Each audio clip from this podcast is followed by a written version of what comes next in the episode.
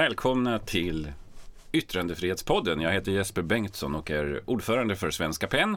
Och det är också Svenska PEN som håller i den här podden. Och med mig idag har jag Axel Kronholm, frilansjournalist och eh, medarbetare på tidningen Omvärlden som under ganska många år nu har specialiserat sig på Burma eller Myanmar eller vad vi nu ska säga. Just det. Och Sydostasien. Och vi ska prata om eh, detta, yttrandefriheten i den delen av världen och kanske fokusera mest på då Burma, Myanmar. Eh, först och främst här, hur hamnade du i att skriva om det där? Just Myanmar fick jag upp intresset för någon gång runt, eh, runt 2007-2008. Det var ju de eh, Eh, tiderna som det var de här stora demonstrationerna, saffransrevolutionen kallades det. Också sen den här cyklonen som kom in och förstörde jättemycket i Myanmar. Det var väldigt mycket i nyheterna. Jag lyssnade på Nils Horners rapportering därifrån, Sveriges Radio. Och där väcktes ju någon slags intresse för, eh, för det landet. Jag hade väl varit intresserad av regionen tidigare men då, då väcktes just det specifika intresset för Myanmar. Och sen har jag rapporterat därifrån sedan 2013 eh, från och till. Och, eh, som fri, frilans på heltid sedan 2014. Mm. Ja just det, Nils Horners rapport där. Han satt på något hotell där, Traders Hotel tror jag. Mm. Blev inte utsläppt för att eh, polisen höll honom där så han fick bevaka det från balkongen kommer jag ihåg. Precis. Som alla journalister som var där just då. Mm. Fick smuggla ut vissa ljudfiler med diplomater också som reste in och ut ur landet. Just det, det var ju tider höll jag på att säga. Mm. Ja. eh, och sen har det börjat fortsätta. då? Mm.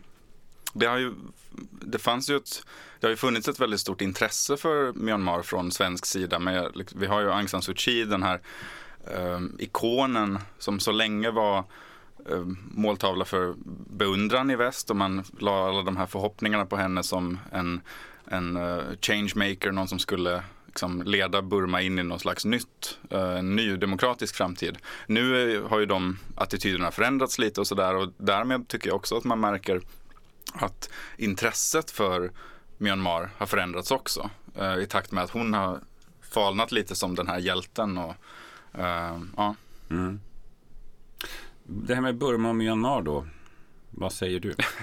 Sen, det var ju ganska nyligen som svensk media gick över till att skriva och säga Myanmar. Mm. Uh, och jag som frilansare så säger jag och skriver vad min arbetsgivare vill att jag säger. Så att um, jag, jag säger för det mesta Myanmar av praktiska skäl. Det är också det som landet heter och jag tänker att länder kan få kallas det de det de heter och sådär. Men samtidigt så om någon säger Burma på samma sätt som vi säger Peking eller något ja. annat på svenska så kommer inte jag rätta någon. Nej, jag, jag brottades själv ganska länge med det där och, och, när svenska medier började ändra sig så det var några som ringde och sådär mm. och frågade vad tycker du att man ska göra? Så jag har ju hållit på med Burma jättelänge också. Eh, då var det fortfarande en ganska öppen fråga tycker jag, men samtidigt min upplevelse är att folk där inne ganska länge har sagt Myanmar. Och att ja. även, även, så att säga, demokratiaktivister har sagt Myanmar ganska länge in i landet. Absolut, och det, ett tag fanns det ju en, poäng att, säga, att insistera på att säga Burma som en markering att vi accepterar inte det här mm. nya namnet som juntan har tagit. Mm. Men idag så har ju den, det som markering sett så är det, är det ja, ingenting längre. Mm. Eh, berätta då, du beskrev ju där Aung San Suu Kyis utveckling från ikon i hela världen egentligen, möjligen inte Kina och sådana länder, mm. men ändå. Eh, och sen så kom det en utveckling, hon släpptes fri, det genomfördes ett antal demokratiska reformer och pressfriheten var ju en av de allra första sådana reformer som man faktiskt kunde se. Och tidningar som tidigare hade varit i exil kunde återvända in i landet. Men hur ser det ut idag? Är det den här backlashen som man pratar om, eller hur ser det ut? Det är ju en backlash definitivt. Sen är det ju inte det är inte så att vi har gått hela vägen tillbaka till hur det var förr. Censuren är ju avskaffad. Det var ju den, en av de första reformerna som man tog och den avskaffades ju över en natt. Mm. Tidigare så hade alla artiklar, till och med texter i annonser behövt skickas in för förhandsgranskning. Till och med begravningsannonser. Precis, mm. så att eh, en, eh, en, ner på varje liten bokstav och kommatecken skulle granskas. Um, så är det inte idag längre. Det som väl har hänt är att vi har sett hur de senaste åren så har um, antalet rättsfall mot journalister ökat. Och det gäller olika typer av liksom, eh, förtalsbrott, eh, journalister som åtalas för förtal för att de har skrivit om någon mm. i militären ofta eller någon inom munkväsendet och sådär. Um, andra typer av eh, yttrande, yttranden som har kriminaliserats eller som snarare um, ha, man har kunnat åtala med hjälp av de lagar som finns redan sedan gammalt i Myanmar och som är ganska, det är så här gummibandslagar som kan liksom lite an, användas för allting. Uh, det har ökat. Uh, både när det gäller åtal från militären, det kan man ju vänta sig, men också åtal som väcks av, uh, av den civila regeringen. Mm. Men det betyder ändå att det finns en fri press. Det finns så att säga tidningar som ändå skriver oberoende men de verkar nu med lite striktare ja, inom, inom striktare gränser än tidigare. Ja, alltså det finns det är massa olika utmaningar de har på samma gång.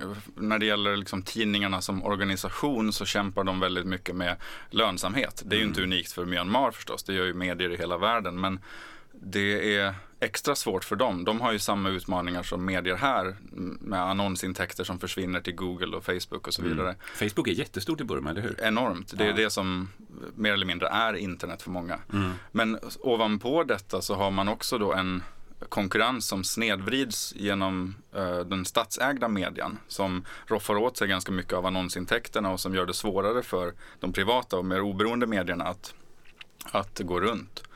Och sen ovanpå det så har då de enskilda journalisterna eh, en risk att kunna hamna i fängelse eller i trubbel om de skriver eh, och kritiserar vissa personer eller uttrycker sig på vissa sätt. Är det det som är det, är det där restriktionerna finns nu? Skriva om vissa personer som jag gissar är då länkade till den gamla juntan. Eller finns det andra tabun också? Jag vet de etniska konflikterna har ju varit en känslig fråga att skriva om bland annat och överhuvudtaget säga att det är konflikter fast alla vet att det har varit inbördeskrig i 70 år. Jo, alltså det är fortfarande känsligt men det sker, man gör mycket rapportering om de mm. konflikterna. Det, där det blir problematiskt är ju när man ska eh, liksom tilldela ansvar och peka ut vem har gjort vad om om liksom, den här kritiken mot militären blir för specifik. Uh, vi såg ju också hur de här två Reuters-journalisterna, Wallon och Cha So-U, som jobbade för Reuters, uh, eller jobbar fortfarande för Reuters, de blev åtalade under den här Official Secrets Act för att de hade granskat folkmordet på rohingyerna. Ja. Uh, också en väldigt känslig fråga i Myanmar och, och de fick sitta inne väldigt länge innan de blev benådade tidigare i år. Det är dessutom en lagstiftning som jag tror härstammar från den brittiska tiden, eller hur? Ja, precis. Official Secrets Act kommer från britterna. Det, många av Myanmars lagar är gamla reliker från kolonialmakten och många av dem har det här problemet att de är väldigt, man kan tolka dem väldigt brett och det är egentligen de, de, kan appliceras på vad som helst och det är ganska svårt att veta då var gränsen går. Mm. Det är inte jätteklart från fall till fall varför det ena är okej och det andra inte. Det är förstås också en del av poängen att man inte ska veta. Det är ju en global trend skulle ja. jag vilja säga. Att den, den sortens lagar används. Men det brukar då leda till självcensur snarare än statlig förhandscensur som det var tidigare. Är det det som är effekten även i mm. Myanmar? På merparten av eh, medierna skulle jag säga. Sen finns det förstås vissa medier som vågar sticka ut och som Eh, ägnar sig åt rapportering som är mer känslig än andra. Ett exempel är eh, tidningen Myanmar Now. Eh, ganska nyligen så var deras chefredaktör Sue Win här i Sverige och, och pratade. Han har också nyligen fått ett pris i, i Sydostasien. De bedriver väldigt vågad rapportering och, och, lyfter ämnen som andra medier inte vågar lyfta. Men det är också en tidning som har jättesvårt med ekonomiskt och, och deras reportrar har ständigt, måste ständigt tänka på vad de säger och vad de lägger ut på Facebook också mm. privat. För mm. de vet att om, om jag säger fel sak så kan jag hamna i finkan. När jag följde bevakningen av uh, den värsta Rohingya-krisen mm. då för ett par år sedan uh, så slog det mig hur även tidningar och nätpublikationer som tidigare hade varit väldigt kritiska mot militärjuntan ändå faktiskt inte var det nu i, i fallet med Rohingyas. Och jag har ju även stött på det när man träffar demokratiaktivister och så där in i landet att för dem är Rohingyas en icke-fråga. Det är inte en fråga om förtryck av mänskliga rättigheter utan en, en mer teknisk fråga om var de ska bo och de flesta ska inte bo i Burma. Det har liksom varit grundhållningen någonstans. Eh, är det det som är skälet, eller har jag fel när jag säger att det fanns en sån bias, eller vad man ska kalla det för, i rapporteringen internt i Burma om Rohingya-frågan? Nej då, det är helt riktigt. Man kan säga att det är två frågor som har delat samhället. Det ena är ju Aung San Suu Kyi, står man upp bakom henne eller är man kritisk mot henne? Mm. Det andra är ju Rohingya-frågan. Mm. Hur, hur, ser man på dem? Ser man på dem som illegala invandrare som försöker ta över eller ser man på dem som en förföljd minoritet? Mm. Um, det har delat civilsamhället i två läger. Det har också delat medierna i två läger. Jag har träffat journalister som um, de rapporterar om politik och täcker liksom, allt som vilken annan journalist som helst. Men de, är, de skriver aldrig om rohingyer, de skriver om bengalerna i mm. sin tidning. För det, det, är deras personliga övertygelse och det är också tidningens mm. hållning att den här minoriteten finns inte utan det är bengaler som har kommit hit. Mm. Så det är ganska utbrett. Uh, och um, ja. Skulle du säga att militären i Burma, Myanmar har lyckats i sin strategi att, så att säga, behålla makten men få det se ut som att det blir någon slags demokratiskt system på ytan? För det var ju det som var risken som många pratade om för tio år sedan när den här processen inleddes. Mm. De har lyckats med det och de har lyckats med mer än så. De har också lyckats med att när det nu då kommer kritik så är det inte främst de kanske som får ta den utan det är ju Aung San Suu Kyi som är den synliga ledaren för mm, landet. Mm. Det är inte så många i väst som alltså vanliga eh, mediekonsumenter som vet vem Minna Online är, som är överbefälhavaren i militären. Men Aung San Suu Kyi känner man till.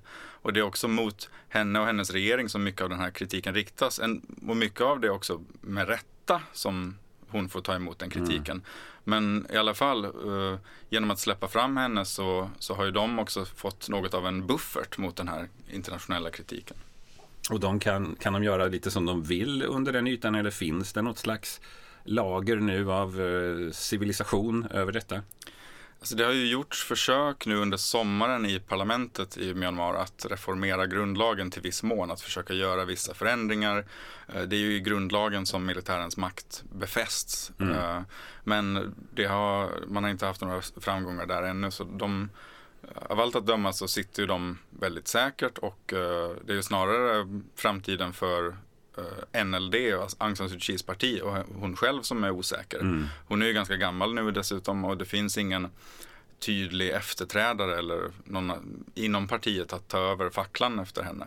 Allt är relativt. Hade hon varit presidentkandidat i USA hade hon varit ung fortfarande. Precis. Eh, men skulle, jag tänker om vi går tillbaka till mediefrågorna där. Ute bland befolkningen, för de levde ju under många decennier under ett extremt förtryck. Jag tror Burma var typ ett av tre länder i världen som ägnade sig åt förhandscensur överhuvudtaget under en period. Eritrea, Nordkorea och Burma tror jag det var. Eh, och eh, jag säger fortfarande Burma, jag inser det? Men det, ja, ja, vi nej, säger men... Peking också, eller vi säger Albanien och inte Chypria. Eller, alltså... Sant det är sant. Ja. Mm. Eh, men det är ändå två helt olika ord, inte, inte två olika uttal. Burma i alla fall. Eh, de hade inte detta under så många decennier. Och sen fick de det plötsligt. Och jag har i och för sig alltid upplevt under mina resor där att, att eh, befolkningen har, har haft en ganska hygglig bild av vad demokrati är för någonting trots alla de här åren och trots att de egentligen aldrig har haft demokrati ska jag säga. De hade några försök på 50-talet men men det pajade ganska fort när militären grep in. Hur upplever du att deras bild av journalistik är? Finns det en sån förförståelse av vad det är för någonting? Ja, ja, den är väldigt låg skulle jag säga. Eller det är åtminstone det som jag hör från när jag talar med journalister i Myanmar och när jag pratar med folk som är aktiva i, i den politiska debatten och så vidare så återkommer den här, eh, här kritiken eller problembeskrivningen att folk i allmänhet kan inte skilja på vad som är seriösa nyheter och vad som är fake news eller mm. vad som är... Uh, för man har, den här informationen, informationstillgången kom över en natt mer eller mindre. Mm. För bara liksom, fem, sex, sju år sedan så var det väldigt få som ens hade en mobiltelefon. Ett simkort kostade upp flera hundra dollar när jag var där första gången. Nu har ju de flesta mobiltäckning mm. och kan uh, få all den här informationen uh, dygnet runt. Och det, det, verkar finnas ett problem där för de traditionella och mer seriösa medierna att motivera vad är det, vad är det som vi gör som uh, är unikt eller vad är det som gör att våra nyheter är mer trovärdiga än något annat. Mm. Det blev ju väldigt tydligt under den här förföljelsen av rohingyerna när det delades jättemycket falska nyheter, falska uppgifter och falska bilder. Um, folk hade svårt att separera på vad som var vad och det var också en, jag tror att det har bidragit mycket till att opinionen är så negativ mot rohingyerna. Um, det fanns väl en diskussion där, inte minst om Facebook just, att, att de där faktiskt in, ja, de erbjöd en plattform för att sprida väldigt mycket hat och till och med organisera vissa aktioner mot eh, rohingyerna och mm. har väl egentligen fått dem att kanske reagera lite och vidta en del åtgärder för att det inte ska hända igen. Vilket verkar jättesvårt med tanke på hur stort Facebook är. Men, ja. men det var väl, Burma har väl liksom blivit ett exempel där. Ja, verkligen. Och Facebook är ju väldigt dominerande. Det, här, inom, här pratar man ju ibland om att eh, Facebook är helt ute bland den yngre generationen och så vidare. Det är andra tjänster, det är Snapchat och det är ja, vad de nu heter. Jag har tappat koll själv. Du börjar bli för gammal du också. Ja, men men i, i Myanmar är det ju Facebook som gäller. Ja. Um. Just det. Um. Jo, jag tänkte på det du sa där om att de, de, är, de kan inte skilja falska nyheter från riktiga nyheter och så, att det finns en ovana vid vad journalistik är på det viset.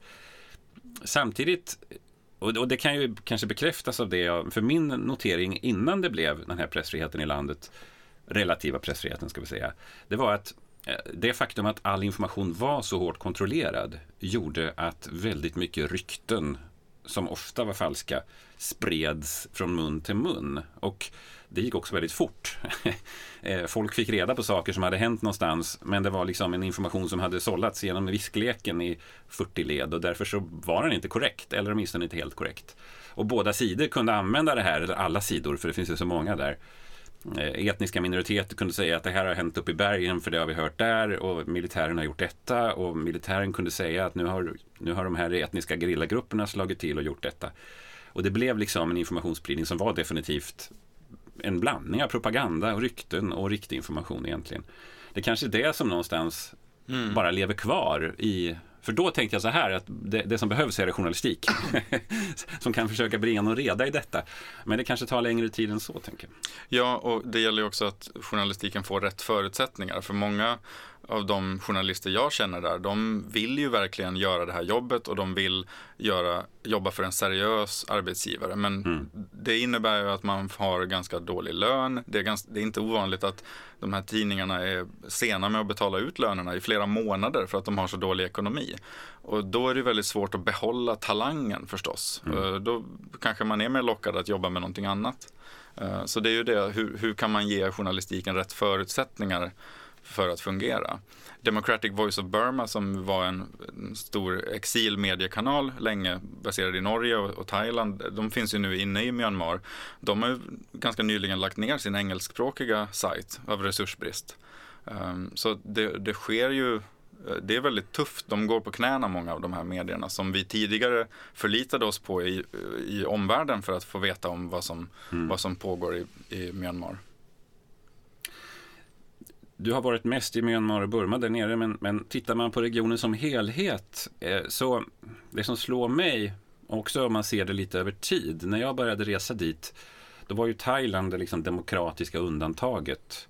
Då hade de precis antagit en, eh, en, en väldigt demokratisk konstitution och de hade ett levande civilsamhälle.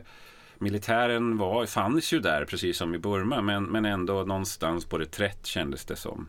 Och sen har har allting ändrats där efter tre, fyra militärkupper de sista 15 åren. Och eh, nu kan man nästan säga att militären i Thailand har plankat strategin från militären i Burma. Och samtidigt så finns det en allt mer repressiv hållning i Kambodja och så. Kan du berätta lite om det där? Är det en, är det, är det en sån utveckling vi ser i mm. regionen? En väldigt negativ trend när, från Bangladesh kan man väl säga genom hela Sydostasien till bort till Vietnam. Alltså, Bangladesh är ju eh, som jag också har rapporterat från en del är ju trycket väldigt, väldigt hårt på civilsamhälle och på medier. Mm. Ehm, det, det, finns ytterst få tidningar där som, som har någon slags fri rapportering och självcensuren är väldigt stark. Kambodja har ju Hun Sen stängt ner flera oberoende medier, radiostationer och, och tidningar. Um, och Vietnam, eh, som bekant, så är ju ganska duktiga på att fängsla bloggare och, och folk som skriver. Um, Thailand också väldigt eh, restriktivt. Det som de ljusglimtar som finns eller där journalistiken fortfarande har utrymme att verka det är ju möjligen då Indonesien förstås och, och Indien. Men även där finns ju förstås känsliga ämnen som inte är uh, helt uh, liksom, oproblematiskt att skriva om. I Västpapua till exempel när det gäller fallet Indonesien. Mm. Uh, men överlag i de länder jag bevakar så, så är det en väldigt negativ trend. Mm.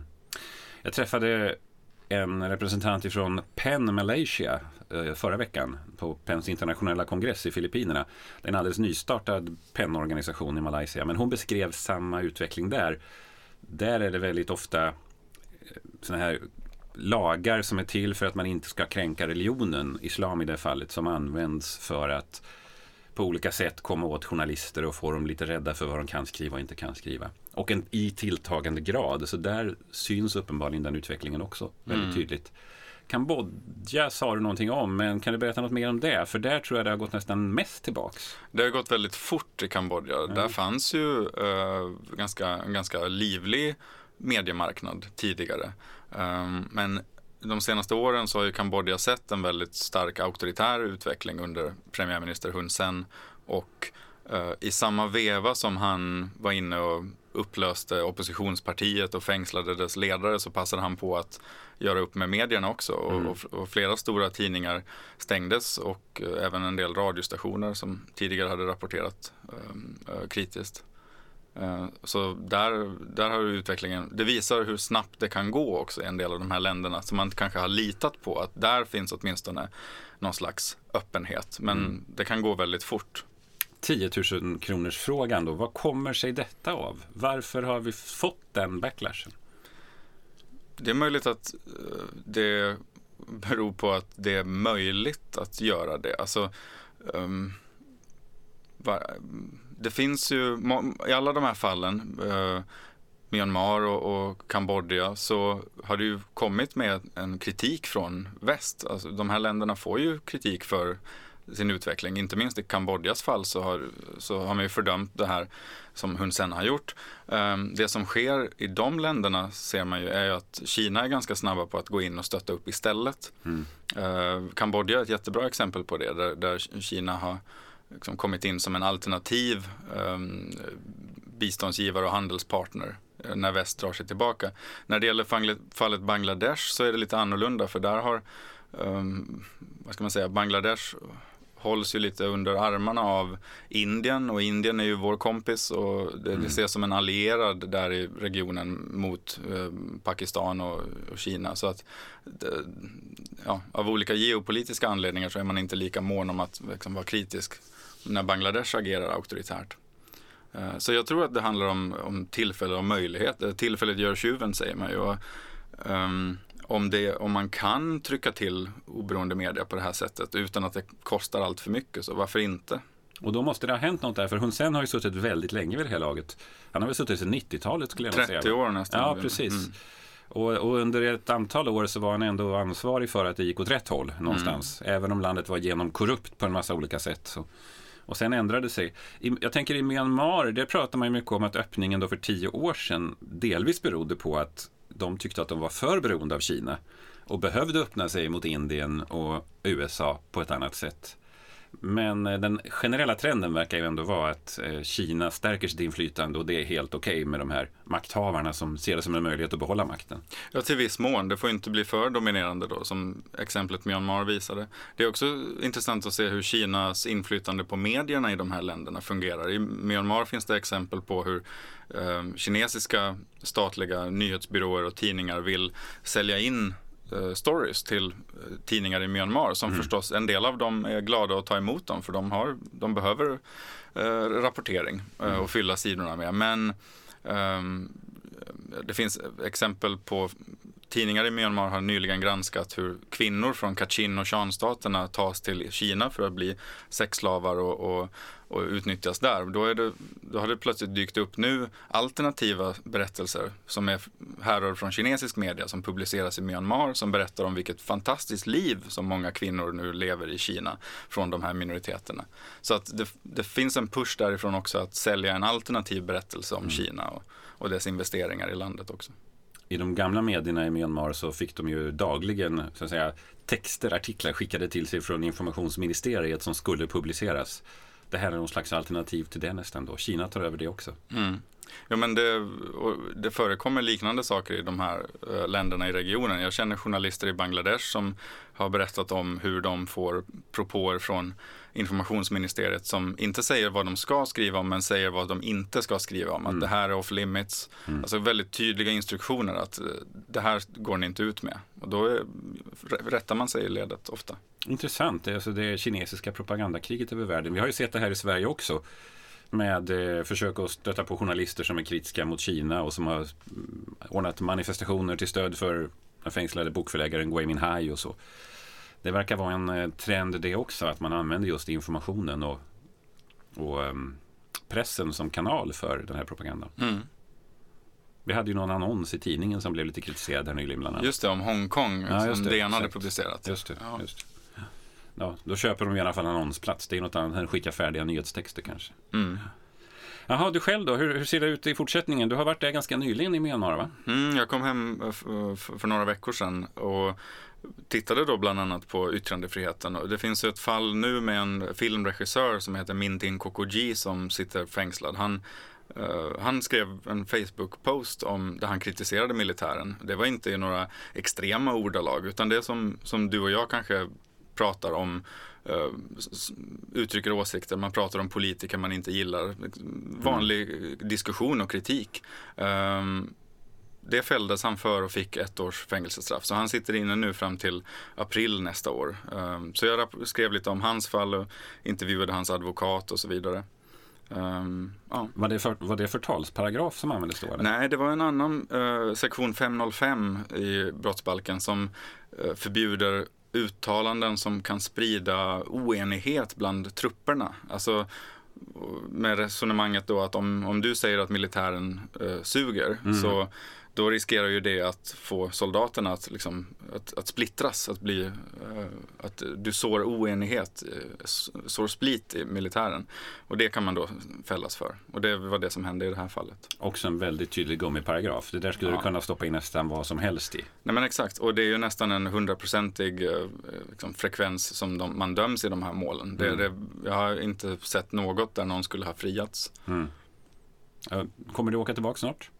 Så snart som möjligt, men just nu har jag lite andra resor på gång. Jag ska till Japan härnäst och därefter till Shanghai också. Vad är det som är så intressant med Myanmar tycker du? Jättemycket saker, hur mycket tid har vi? men det, alltså det, dels handlar det om alltså storpolitiskt där det ligger, mitt mellan Indien mm. och Kina, de här växande stormakterna i Asien. Det är ju eh, jätteintressant utifrån den eh, synvinkeln, alltså vad, vad, kommer att hända med det här landet? Just nu vill ju Kina gärna bygga infrastruktur rätt igenom för att nå ut i Indiska oceanen. Det är ju förstås intressant inrikespolitiskt med den här personen Aung San Suu Kyi som fortfarande har så, bär så mycket av det här folkets förhoppningar och, och drömmar och framtids, eh, liksom, framtidsdrömmar. Att se hur, hur det går. Eh, konflikterna förstås eh, som härjar fortfarande i landet. Sådär. Mm. Så det, det, finns väldigt mycket att, att rapportera om. Ja, för, för, visst har de fortfarande ganska starkt stöd, Aung San Suu Kyi? Ja, mindre och mindre bland eh, de etniska minoriteterna då, mm. men, men bland de breda folklagren fortfarande jättestort stöd. Um, och jag tror att många är beredda att, att ha viss is i magen och lite tålamod. Men många inser att det här är väldigt, det är väldigt stora reformer som de har framför sig och att det, det sker inte över en natt. Det är också det svaret man får om man intervjuar folk i regeringen. Jag pratade med vice informationsministern om de här begränsningarna i pressfriheten. Och han sa att journalisterna har för höga förväntningar. Mm. De tror att vi kan komma in här och fixa allt det här över en natt. Men det är massa lagar som ska reformeras. Uh, och det är inte det lättaste att skriva nya lagar och så här. Och så har man samtidigt den här militären då som motarbetar den på varje punkt. Mm. Så att det, det, är nog lättare sagt än gjort att styra upp. Men, men pågår det en sån process då? Det låter ju på den här vice informationsministern som om det gör det i alla fall. Jag vet Aung San Suu Kyi när hon var i valkampanj 2011 så fick hon frågan om, om landet var demokratiskt nu och då sa hon att om man tar på en skala från 1 till 10 så befinner vi oss på 1. Och sen dess så har det nästan inte genomförts några nya reformer. I alla fall inga avgörande reformer. Så frågan är, finns det överhuvudtaget en process? Det är snart tio år sedan de stora stegen togs. Nej, alltså de som, eh, de som är kritiska till regeringen säger ju att eh, de är för försiktiga. Det finns ju en kalkyl liksom, som regeringen har gjort där man har inte velat konfrontera militären rakt på för hårt och för snabbt för då man är ju rädd att det här, man har, det här lilla man har vunnit ska mm. tas ifrån en. Mm. Och därför går man väldigt försiktigt fram. Uh, sen kan man förstås ha olika åsikter om om man är för försiktig. Uh, jag tror att man är det. Mm. Men uh, det är ju också lätt att säga som någon som inte har suttit i fängelse i decennier eller liksom förlorat vänner i den här kampen. Så att det, det där är en, en väldigt svår fråga om vilken typ av konfrontation med militären klarar man av och, mm. vad blir utkomsten? Mm. Tack Axel Kronholm. Tack så du ha. Journalist som bevakar Sydostasien och Burma. Det var en intressant yttrandefrihetspodd. Lycka till. Tack så mycket.